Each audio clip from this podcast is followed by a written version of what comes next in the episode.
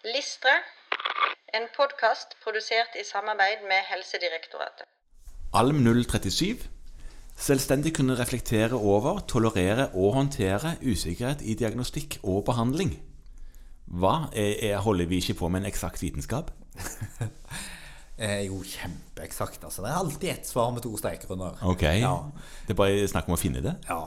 Nei, dette er jo nesten sånn medisinsk basalkunnskap. Og nå viser de også til et felles kompetansemål i dette underpunktet, altså, som, som handler om usikkerhet hos lege og pasient. Ja.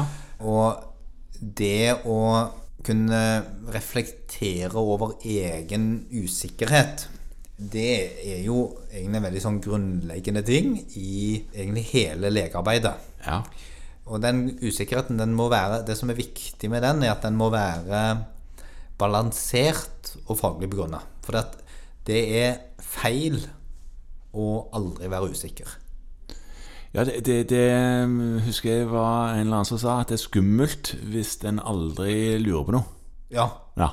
Men så er det veldig slitsomt å alltid være usikker.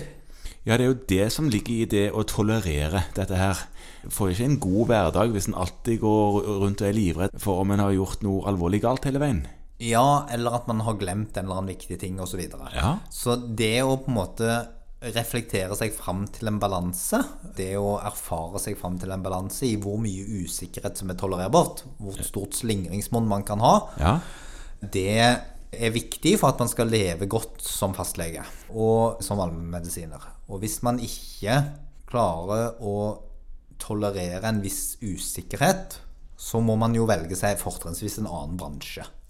Ja, eller man kan lære seg at det at jeg føler på utrygghet og er litt usikker her, det betyr egentlig at jeg er i rute.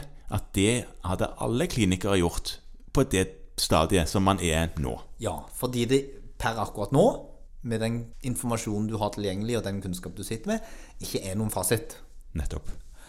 Og i det bildet der så er det da viktig at man også klarer å formidle den usikkerheten på en sikker måte. Ja, at man er sikker på at man er usikker. Ja, eh, her, at er, her, er- er, her er det sånn det er. Og at man, man klarer å formidle usikkerhet med trygghet og med en viss grad av overbevisning om at usikkerhet er faktisk det riktige i dette tilfellet. Slik at man ikke brer usikkerheten om seg. Ja, og det er den allmennmedisinske metoden, det. Og det er sånn vi må jobbe. Ja, og så er det jo en annen usikkerhet òg enn vår egen, og det er det at, at faget er usikkert. Altså Ja. livet. Ja, Og pasienten. Ja. Ja. Eh, Det er jo ikke sånn at pasientforløp har en sånn streng, stram linje og plan. Nei, nei, nei, det går jo i hytt og pine i forhold til hva som er normert løp. Stort sett. Ja. Ja. Og den usikkerheten ligger inni der, og det blir to usikkerheter på hverandre. Ja.